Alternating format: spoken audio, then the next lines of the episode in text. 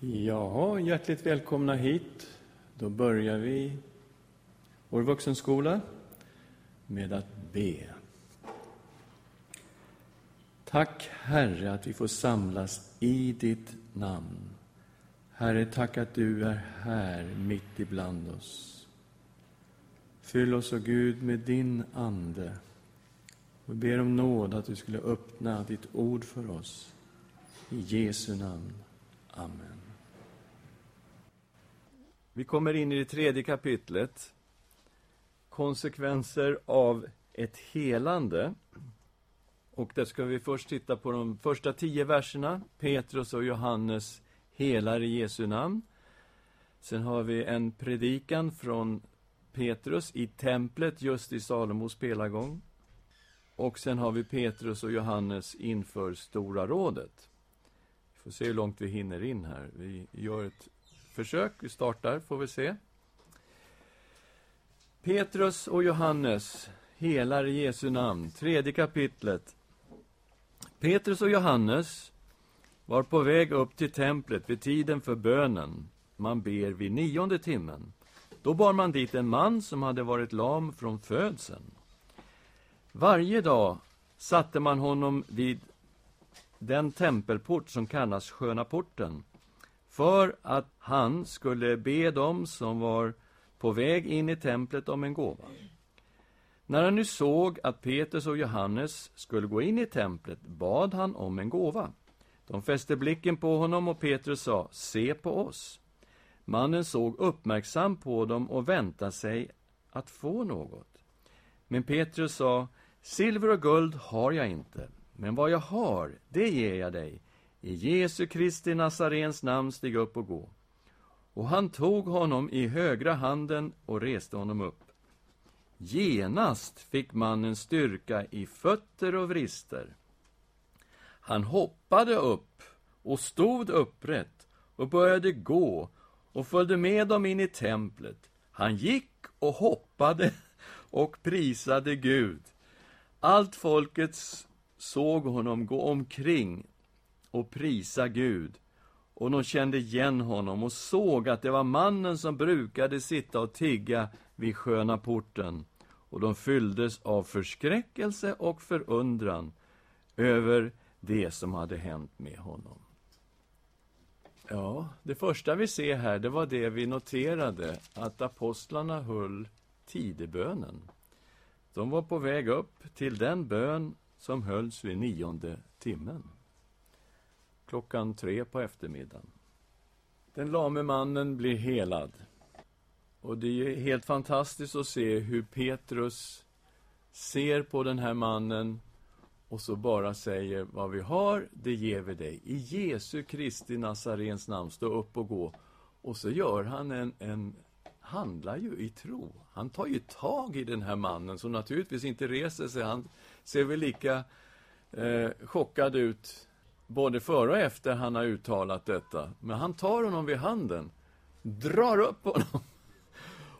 Och helt plötsligt då så börjar han stå, och inte bara stå, han börjar gå, och inte bara gå, han börjar hoppa. Och han liksom springer omkring då, runt kring Petrus och Johannes och prisar Gud. Eh, det här är ett enormt under. Vi får reda på lite senare att han var alltså över 40 år och att han var eh, född lam. Så ett, ett fullständigt mirakel har hänt. Och naturligtvis blir det folkskockning. Eh, det här är ju inte vad som händer var dag i Jerusalem, naturligtvis kring Jesus, men i övrigt inte var dag i Jerusalem. Det uppstår en folkskockning kring apostlarna. Och Petrus sätter igång och håller sin andra predikan i templet i Jerusalem. Vi läser vers 11 till 26. Då mannen höll sig till Petrus och Johannes skyndade allt folket fram till dem i den pelarhall som kallas Salomos pelarhall. De var utom sig av häpnad. När Petrus såg det sa han till folket, Israeliter, varför är ni förvånade över det här? Och varför stirrar ni på oss, som om vi av egen kraft eller fromhet hade gjort att han kan gå. Nej, Abrahams, Isaks och Jakobs Gud, våra fäders Gud, har förhärligat sin tjänare Jesus, som ni utelämnade och förnekade inför Pilatus, när denne hade beslutat att frige honom. Ni förnekade den helige och rättfärdige och begärde att få en mördare frigiven. Livets förste dödade ni, men honom har Gud uppväckt från de döda, det är vi vittnen till. Och genom tron på hans namn har det namnet gett styrka åt denne man, som ni ser och känner. Tron som det namnet skänker har gett honom full hälsa, så som ni alla ser. Nu vet jag, bröder, att varken ni eller era rådsherrar visste vad ni gjorde. Men Gud har på detta sätt låtit det gå i uppfyllelse, som han har förutsagt genom alla sina profeter att hans Messias skulle lida. Ångra er därför och vänd om, så att era synder blir utplånade och tider av vederkvickelse kommer från Herrens ansikte, och han sänder Messias som är bestämd för er, nämligen Jesus. Honom måste himlen ta emot tills tider kommer då allt blir återupprättat, som Gud har förkunnat genom sina heliga profeters mun från urminnes tid. Mose har sagt att en profet som är lik mig ska Herren er Gud låta träda fram åt er ur era bröders krets. Lyssna till honom i allt vad han säger till er. Men var och en som inte lyssnar till den profeten ska utrotas ur folket. Alla profeterna, så många som har talat från Samuel framåt, har också förkunnat dessa dagar. Ni är barn till profeterna och arvtagare till förbundet som Gud slöt med era fäder när han sa till Abraham, i din avkomma ska alla folk på jorden välsignas. För er först och främst har Gud låtit sin tjänare träda fram, och han har sänt honom för att välsigna er genom att vända var och en bort från sina onda gärningar. Ja, vilken predikan han håller här, Petrus. Och man ser att Lukas har måste komprimera en hel del, för att den här predikan är väldigt komprimerad. Det är som att man får en, ett predikoutkast framför sig med eh, outline, alltså med själva punkterna. Men allt som är sagt däremellan, eh, det är inte så lätt att hitta. Men det här är en fantastisk predikan. Precis som pingstdagens predikan är en fantastisk predikan, så är det här helt sanslöst. För i denna predikan ligger hela Nya testamentet. Det kan man nog lugnt säga. Här ligger alla tänkbara teman som kommer att utvecklas i Nya testamentet. Den är så kompakt, den här predikan. Han börjar med att kalla Jesus för Herrens tjänare. Och det är klart man tänker, va? Tjänare, ska han inte vara någonting annat? en tjänare, Jesus. Ja, men nu knyter det ju an till Herrens tjänare i Jesaja. Vi har de fyra viktiga avsnitten av Herrens tjänare i Jesaja 42, 49, 50 och 53. Och där vi i 53 ser hur tydligt det här pekar mot Jesus i Jesaja 53 har vi ju den lidande tjänaren. Där vi har de här fantastiska avsnitten. Men det var våra sjukdomar han bar. Våra smärtor, de tog han på sig. Medan vi höll honom för att vara hemsökt, tuktad av Gud och pinad. Han var sargad för våra överträdelsers skull, slagen för våra missgärningars skull. Straffet var lagt på honom för att vi skulle få frid och genom hans sår blev vi helade. Vi gick alla vilse som får, var och en av oss ville vandra sin egen väg, men Herren lät allas vår missgärning drabba honom. Alltså fantastiska profetior. Och här kommer det. Han kallar honom för Herrens tjänare. Direkt pekar ut Jesus från Nasaret. Han är den som profeten Jesaja talade om. Och han börjar sin predikan eh, i elfte versen med han om Jesus som Herrens tjänare. Men han avslutar också i den sista versen, återigen använder han uttrycket eh, Gud har låtit sin tjänare träda fram. Står det i 26 versen. Och hela predikan är innesluten i att Jesus är Herrens tjänare.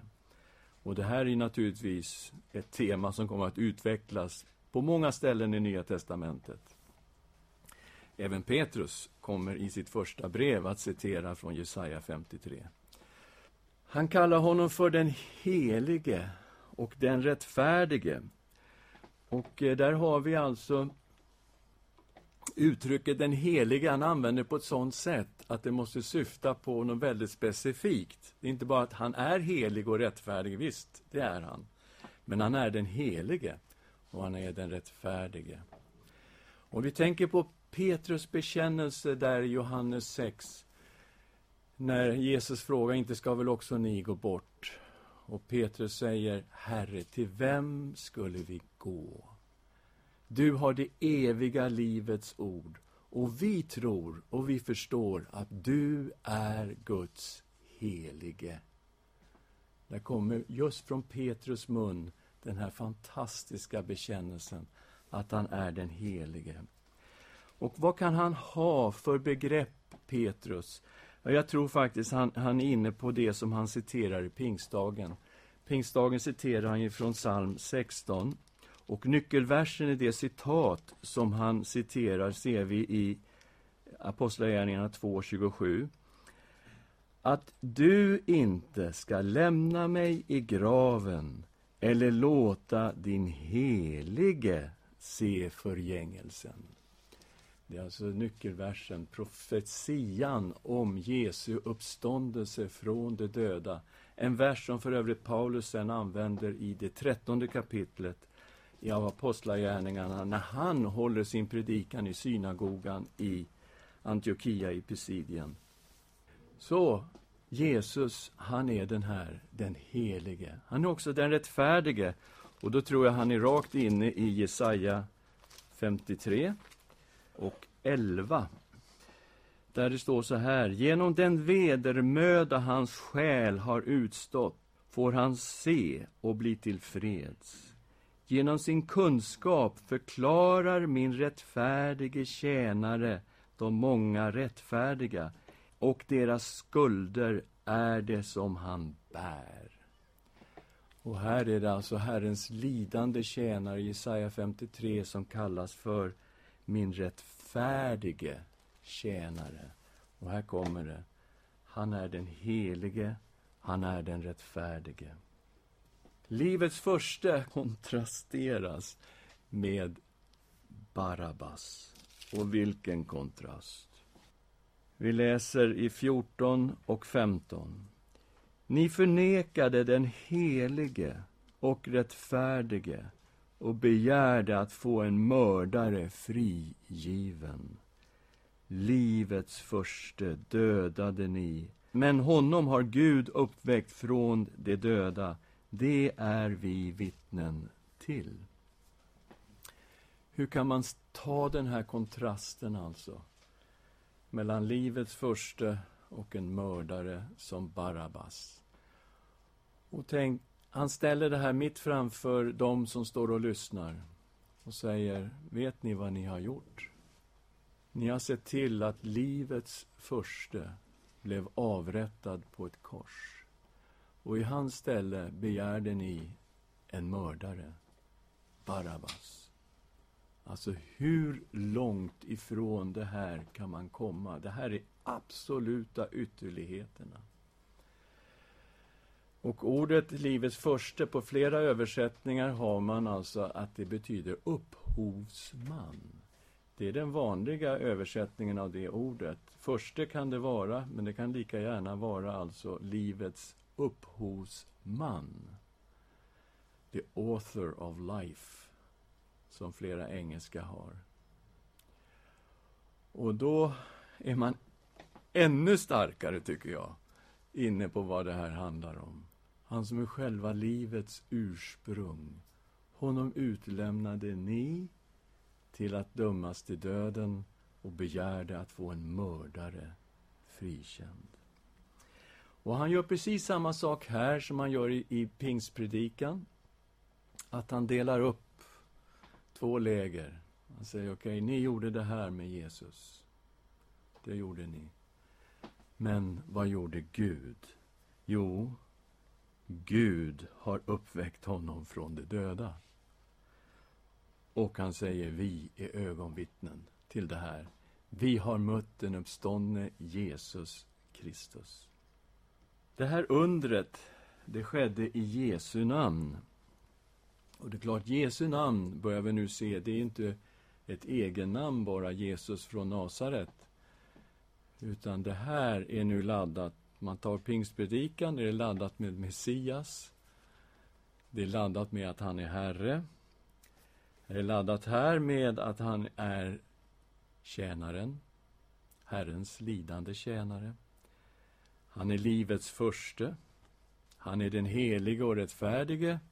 Alltså, det är så oerhört starkt vad detta namn står för.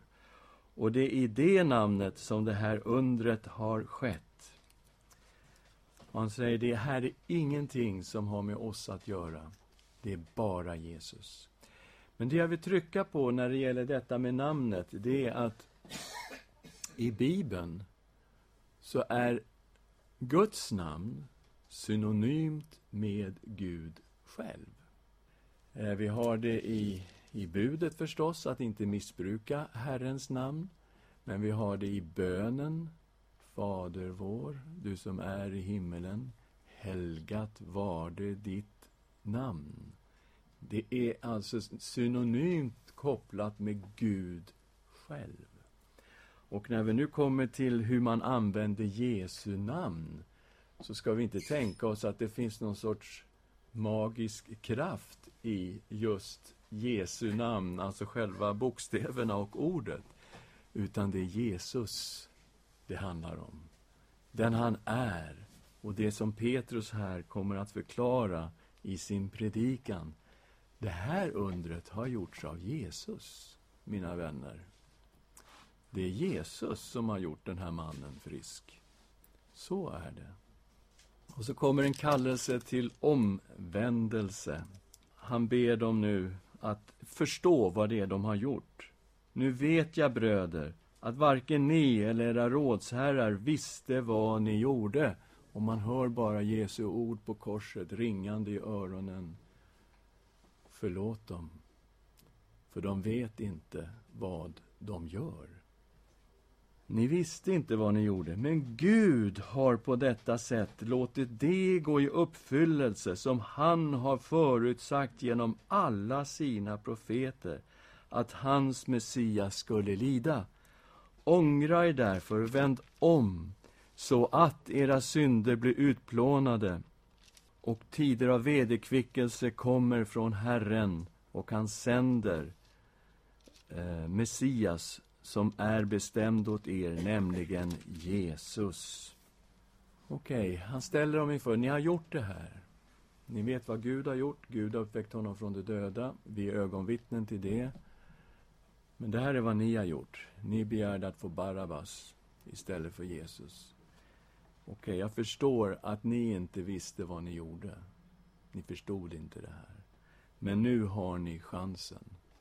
Omvänd er och ta emot förlåtelse i Jesu Kristi namn. Han kallar honom här för Messias igen. Så det här namnet som det här undret har skett i, det börjar nu laddas med så mycket innehåll och när vi kommer längre in i predikan laddas det med ännu mer innehåll. Så man förstår att det är alltså helt enormt vem denne Jesus från Nasaret faktiskt är. Och så kommer vi då till avslutningen av den här predikan och vi ska läsa från vers 20 ner till 26. Kapitel 3, Apostlagärningarna.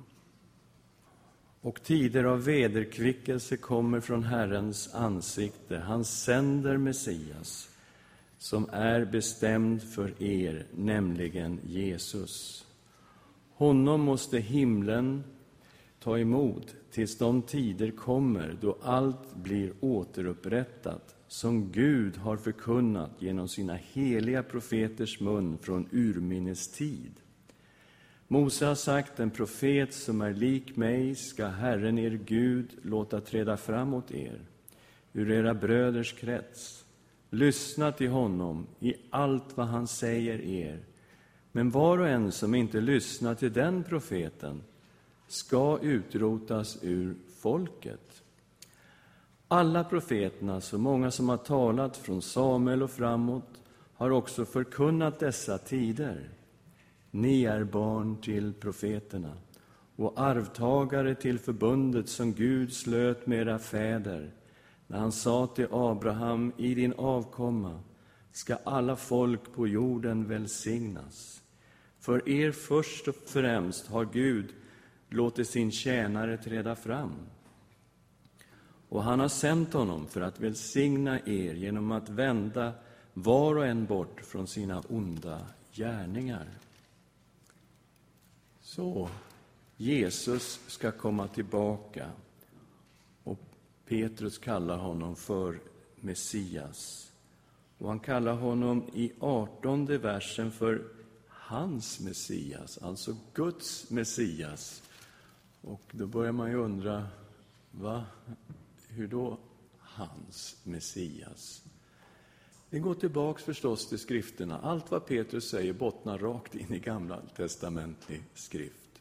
Det är den messianska salmen, psalm 2, där just Davids son kallas för hans smorde.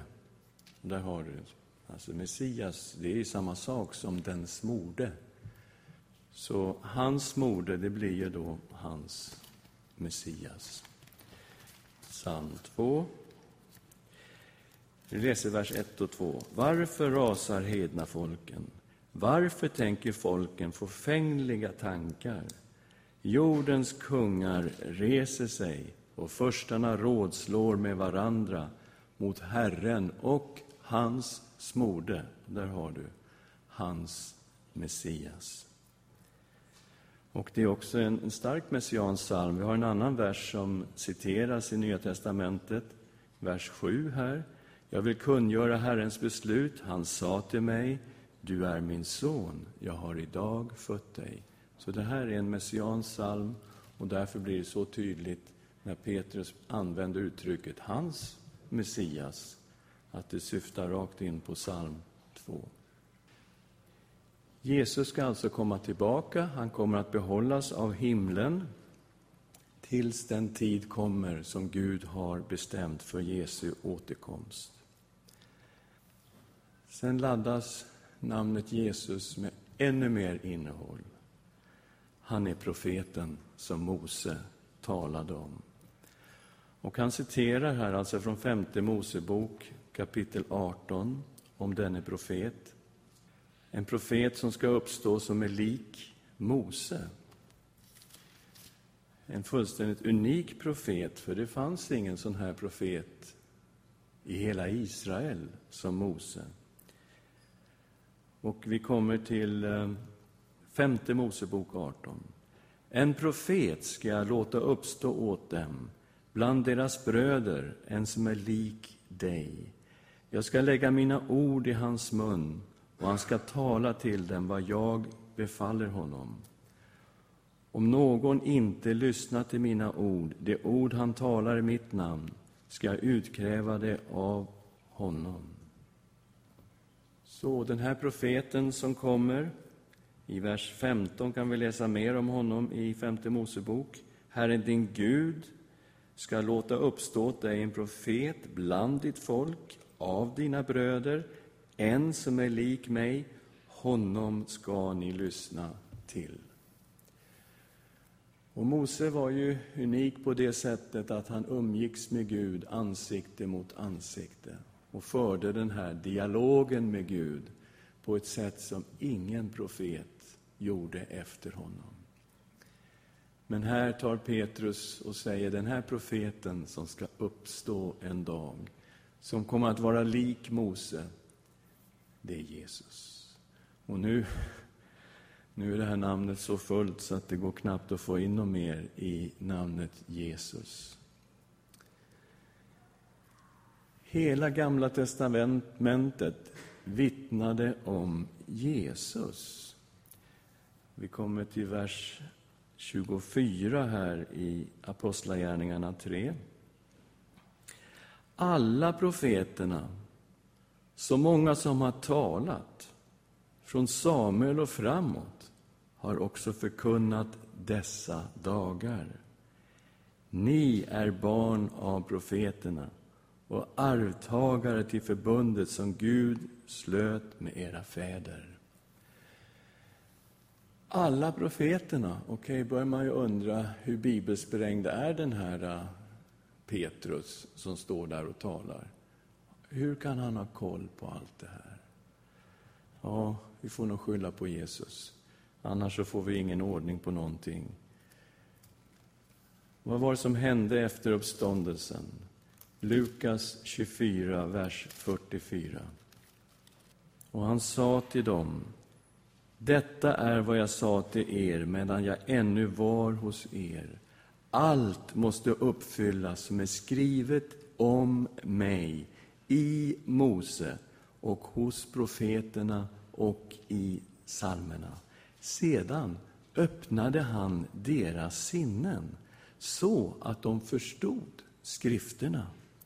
Och han sa till dem, det står skrivet att Messias ska lida och på tredje dagen uppstå från de döda och att omvändelse och syndernas förlåtelse ska predikas i hans namn för alla folk med början i Jerusalem. Ni är själva vittnen om detta. Ja, det är klart att Petrus förstod det här eftersom han hade gått i någon märklig bibelskola där Jesus står där och öppnar deras sinnen och går igenom profeterna, börjar i Mose och tar en snabböversikt av profetiorna i Gamla testamentet och berättar hur allting hänger ihop. Det är därför som Petrus kan stå på pingstdagen och hålla denna fantastiska predikan som visar att Jesus är Messias och han är Herre. Han tar ju direkt ut undervisningen från Jesus. Och så den här predikan som är fullständigt packad med teman som sen utvecklas i Nya testamentet. Ja, vi måste ju se att det är Jesus som har gett det här till Petrus. Och det är därför som man kan hålla en sån här underbar predikan, hans andra predikan i Apostlagärningarna. Jag vill trycka på en sak till här, och det är det som kommer lite längre ner i vers eh, 25 av Apostlagärningarna 3. Ni är barn av profeterna och arvtagare till förbundet som Gud slöt med era fäder när han sa till Abraham i din avkomma ska alla folk på jorden välsignas. För er först och främst har Gud låtit sin tjänare träda fram, och han har sänt honom för att välsigna er genom att vända var och en bort från sina onda gärningar. Så här kommer nästa sak. Citatet av ”I din avkomma ska alla folk på jorden välsignas”. Uttrycket avkomma, säd, står i ett singular, men kan naturligtvis, precis som det svenska ordet, tolkas som ett plural. Men Paulus har tolkat det här åt oss på ett mycket tydligt sätt i Galaterbrevet kapitel 3 och vers 16. Nu gavs löftena åt Abraham och hans avkomma. Det heter inte ”och åt dina avkomlingar”, så när man talar om många, utan som när det talas om en enda, och åt din avkomling, som är Kristus. Okej, okay, så Jesus är alltså denne Abrahams sed genom vilken Gud skulle välsigna hela världen, alla folk. Och det är också så Petrus fortsätter. Det är klart att det är den tolkningen han har. För att det är för er först och främst som Gud har låtit sin tjänare träda fram och han har sänt honom för att välsigna er. I dig, i din säd, i din avkomma ska alla släkter på jorden bli välsignade. Så, nu ska vi försöka sammanfatta denna predikan. Vi ska titta på vad är det här för predikan?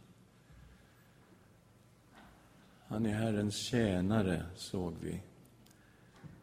Och det är alltså det att han är den som profeten Jesaja talade om. Jesaja 42, som ju är citerat i Matteus till exempel.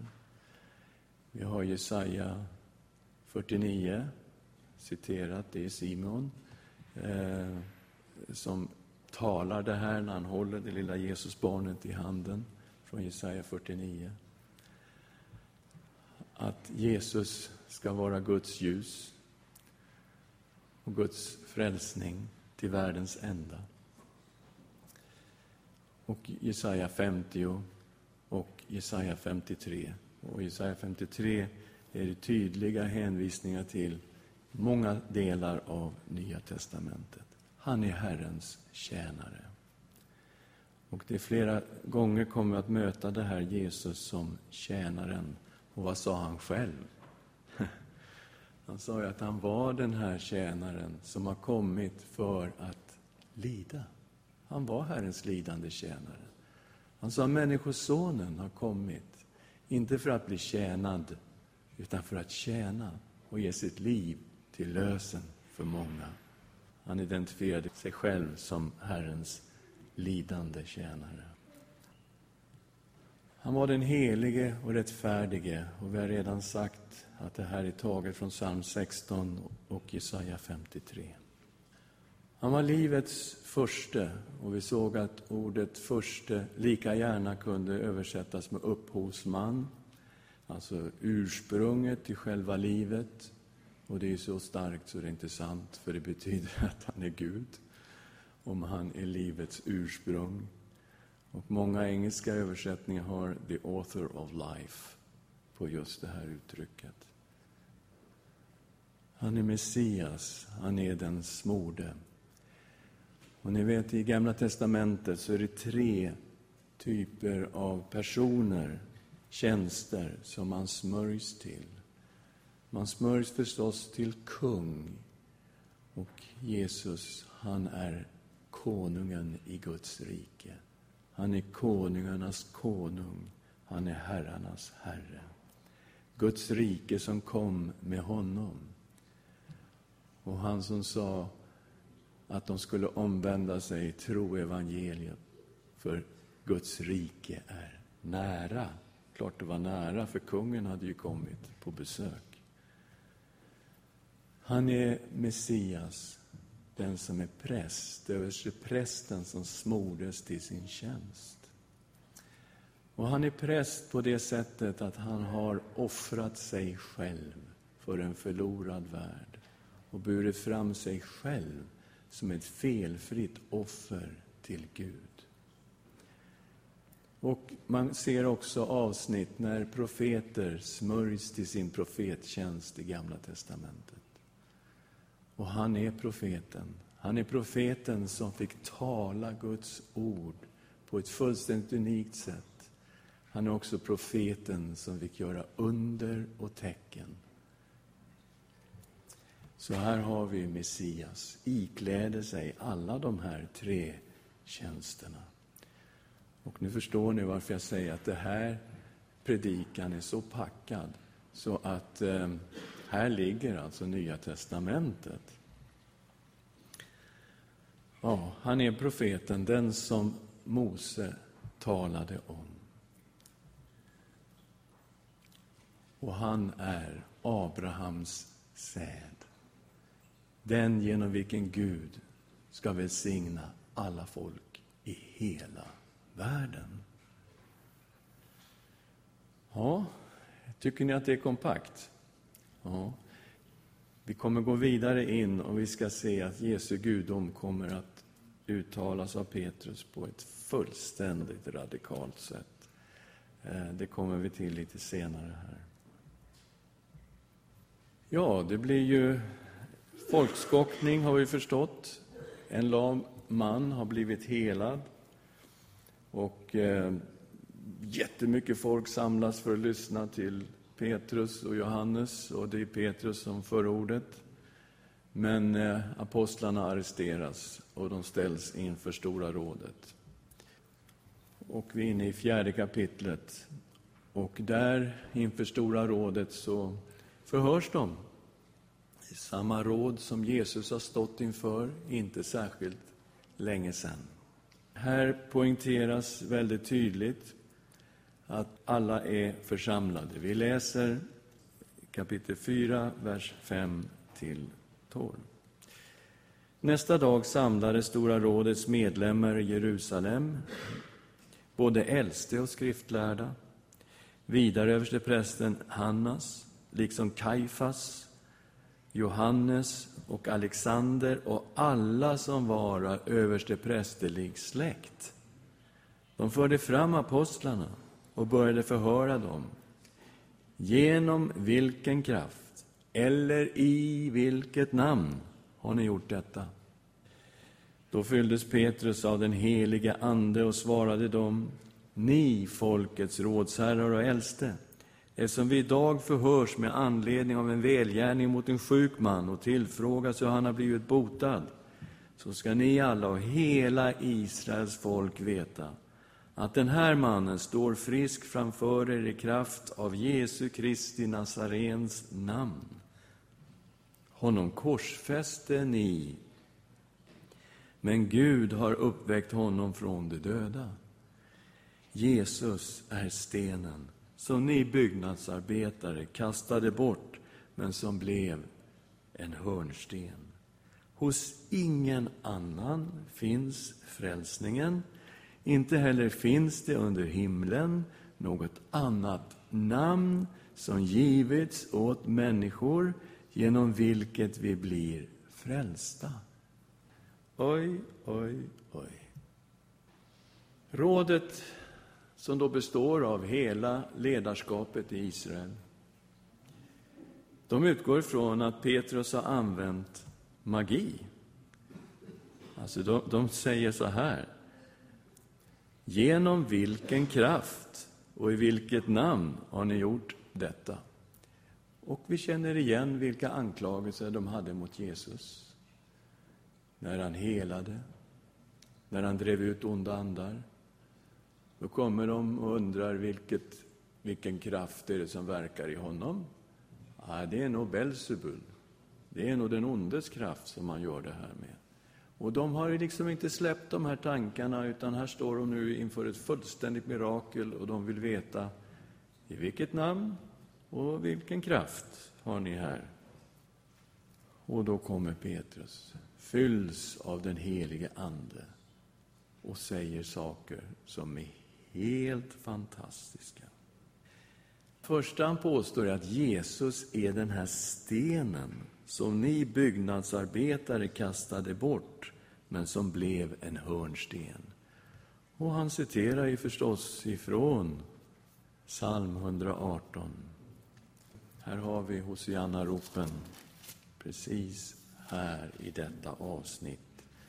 Och ni vet ju att när Hosianna-ropen ekade i Jerusalem så sa just det här gänget Jesus, förbjud att dina lärjungar ropar så.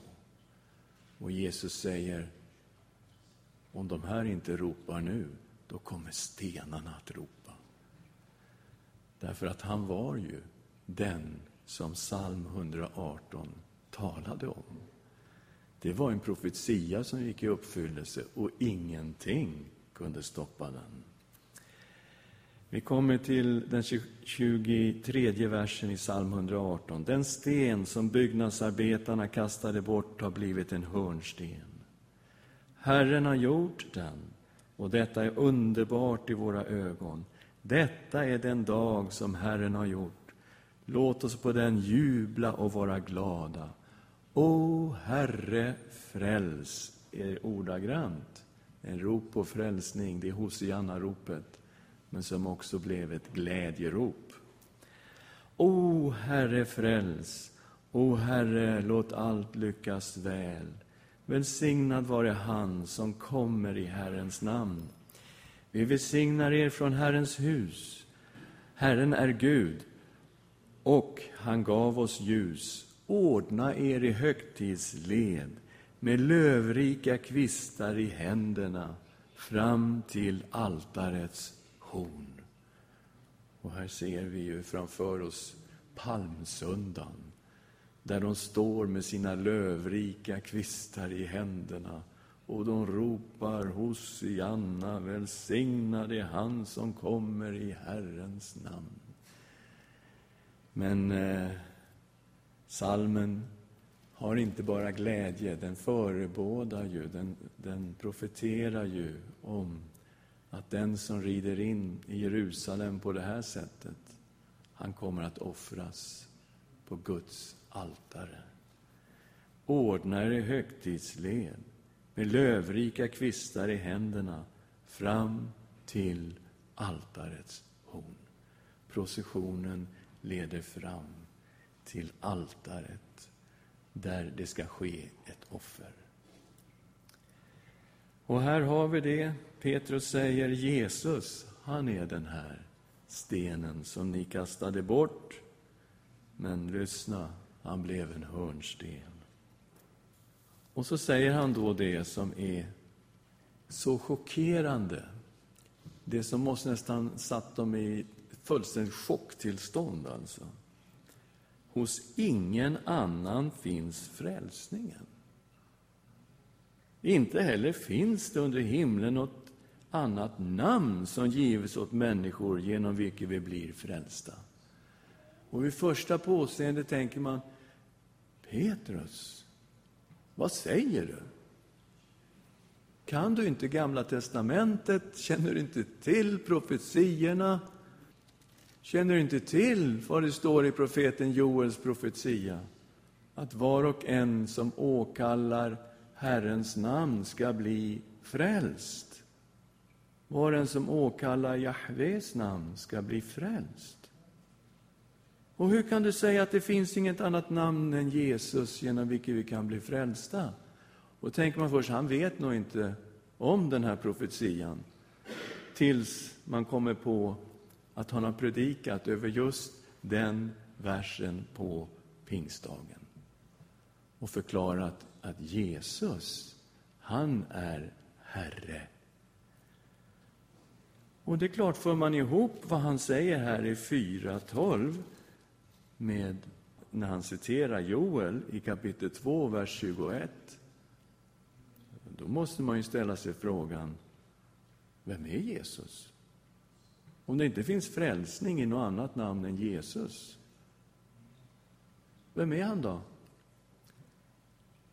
Ja, han är Gud. Han är en uppenbarelse av Jahve. Han är sann Gud och sann människa. Och det är därför det inte finns något annat namn än Jesu namn genom vilket vi människor kan bli frälsta. Var en som åkallar Herren Jesu namn ska bli frälst. Och Det är alltså detsamma som att säga vad Joel säger. Var en som åkallar Jahves namn ska bli frälst.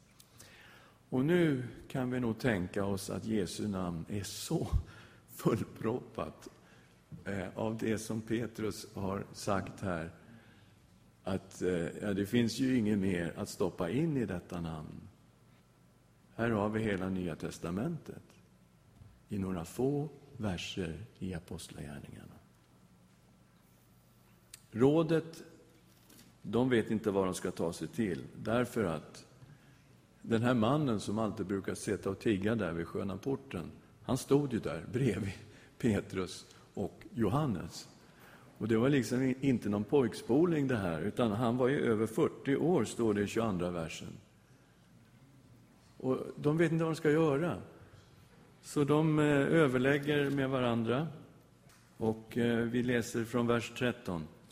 När de såg hur frimodiga Petrus och Johannes var och märkte att de var olärda män ur folket, blev de förvånade. Men så kände de igen dem och kom ihåg att de hade varit tillsammans med Jesus. Och när de såg mannen som hade blivit botad stå där tillsammans med dem, blev de svarslösa. De befallde dem att lämna rådsalen och överlade med varandra. De sa, vad ska vi göra med de här människorna? Att ett märkligt tecken har skett genom dem står klart för alla som bor i Jerusalem. Och det kan vi inte förneka. Men för att detta inte ska spridas vidare bland folket så låt oss varna dem för att i fortsättningen tala till någon människa i det namnet. Ja. Det här är den interna överläggningen. De kommer fram till att här har skett ett fullständigt under. Alla är medvetna om det, de är medvetna om det, ingen kan förneka det. Vad ska vi göra? Ja, man skulle kunna tänka sig, låt oss omvända oss och ta emot Jesus och, och så. Men de tänker ju på sin ställning och sin makt och tänker, okej, okay, hur ska vi nu förhindra att det här sprids på något sätt? Ah, vi förbjuder dem att tala i Jesu namn. Och det var ju inte särskilt framgångsrik taktik. Vi kommer till kapitel 4, vers 18. De kallade in dem och förbjöd dem att överhuvudtaget tala eller undervisa i Jesu namn. Betänk nu vad som finns i det här namnet. Ja, men de ska liksom förbjuda då att de ska tala eller undervisa i Jesu namn. Men Petrus och Johannes svarade dem, döm själva om det är rätt inför Gud att lyda er och inte Gud. Vi för vår del kan inte tiga med vad vi har sett och hört. Då hotade de dem än en gång och lät dem sedan gå eftersom de för folkets skull inte kunde finna något lämpligt sätt att straffa dem. Ty alla prisade Gud för det som hade hänt. Mannen som hade blivit botad genom detta tecken var nämligen över 40 år. Vi gör ett litet stopp här och ehm, öppnar för frågor. Vad tycker ni om Petrus predikan? Amir? Jo, du tycker att det är inte så konstigt att det här prästerna och ledarskapet gör på det här sättet, för den parallellen har vi i dagens Iran, absolut. Ja, Jenny? Nej, folket hade inte svårt att förstå att det var Gud som låg bakom. Och det märkliga här är att det förstod prästerna också, och de skriftlärde. Men deras handlande, alltså deras slutsats, blir ju jättekonstig. Men visst är det underbart? Ja, jag är helt betagen alltså när jag går igenom den här andra predikan plus eh, pingstdagens predikan och ser hur Petrus har levererat två predikningar som är helt fantastiska. Och när man då tänker på vilka teman som ligger i de här predikningarna och sen ser hur hela Nya testamentet är fullständigt genomsyrat av det som Petrus har sagt här. Det är fantastiskt. Ja, det, är en viktig detalj i det hela. Det här hade inte Petrus kunnat göra före pingstdagen. Han var fylld av den helige Ande. Så det räckte inte bara med Jesu bibelskola där efter uppståndelsen, även om den är en nyckel till att förstå hur han kunde kunna alla dessa eh, avsnitt i Gamla testamentet och fått helheten klar för sig. Pingstdagen, absolut. Han var fylld av den heliga Ande. Så är det. Ja, ska vi tacka Gud tillsammans? Tack, levande Gud, för att du har uppenbarat dig i skrifterna. Och alla dessa profetior som har fått sitt ja och sitt Amen i dig, Jesus Kristus, Guds son. Tack, Herre, för att du har talat genom Petrus på ett sådant sätt att vi blir helt ställda. Och vi förstår att hela ditt ord hör samman som en underbar enhet, gamla och nya testamentet. Ditt eget ord. Tack, gode Gud. Amen.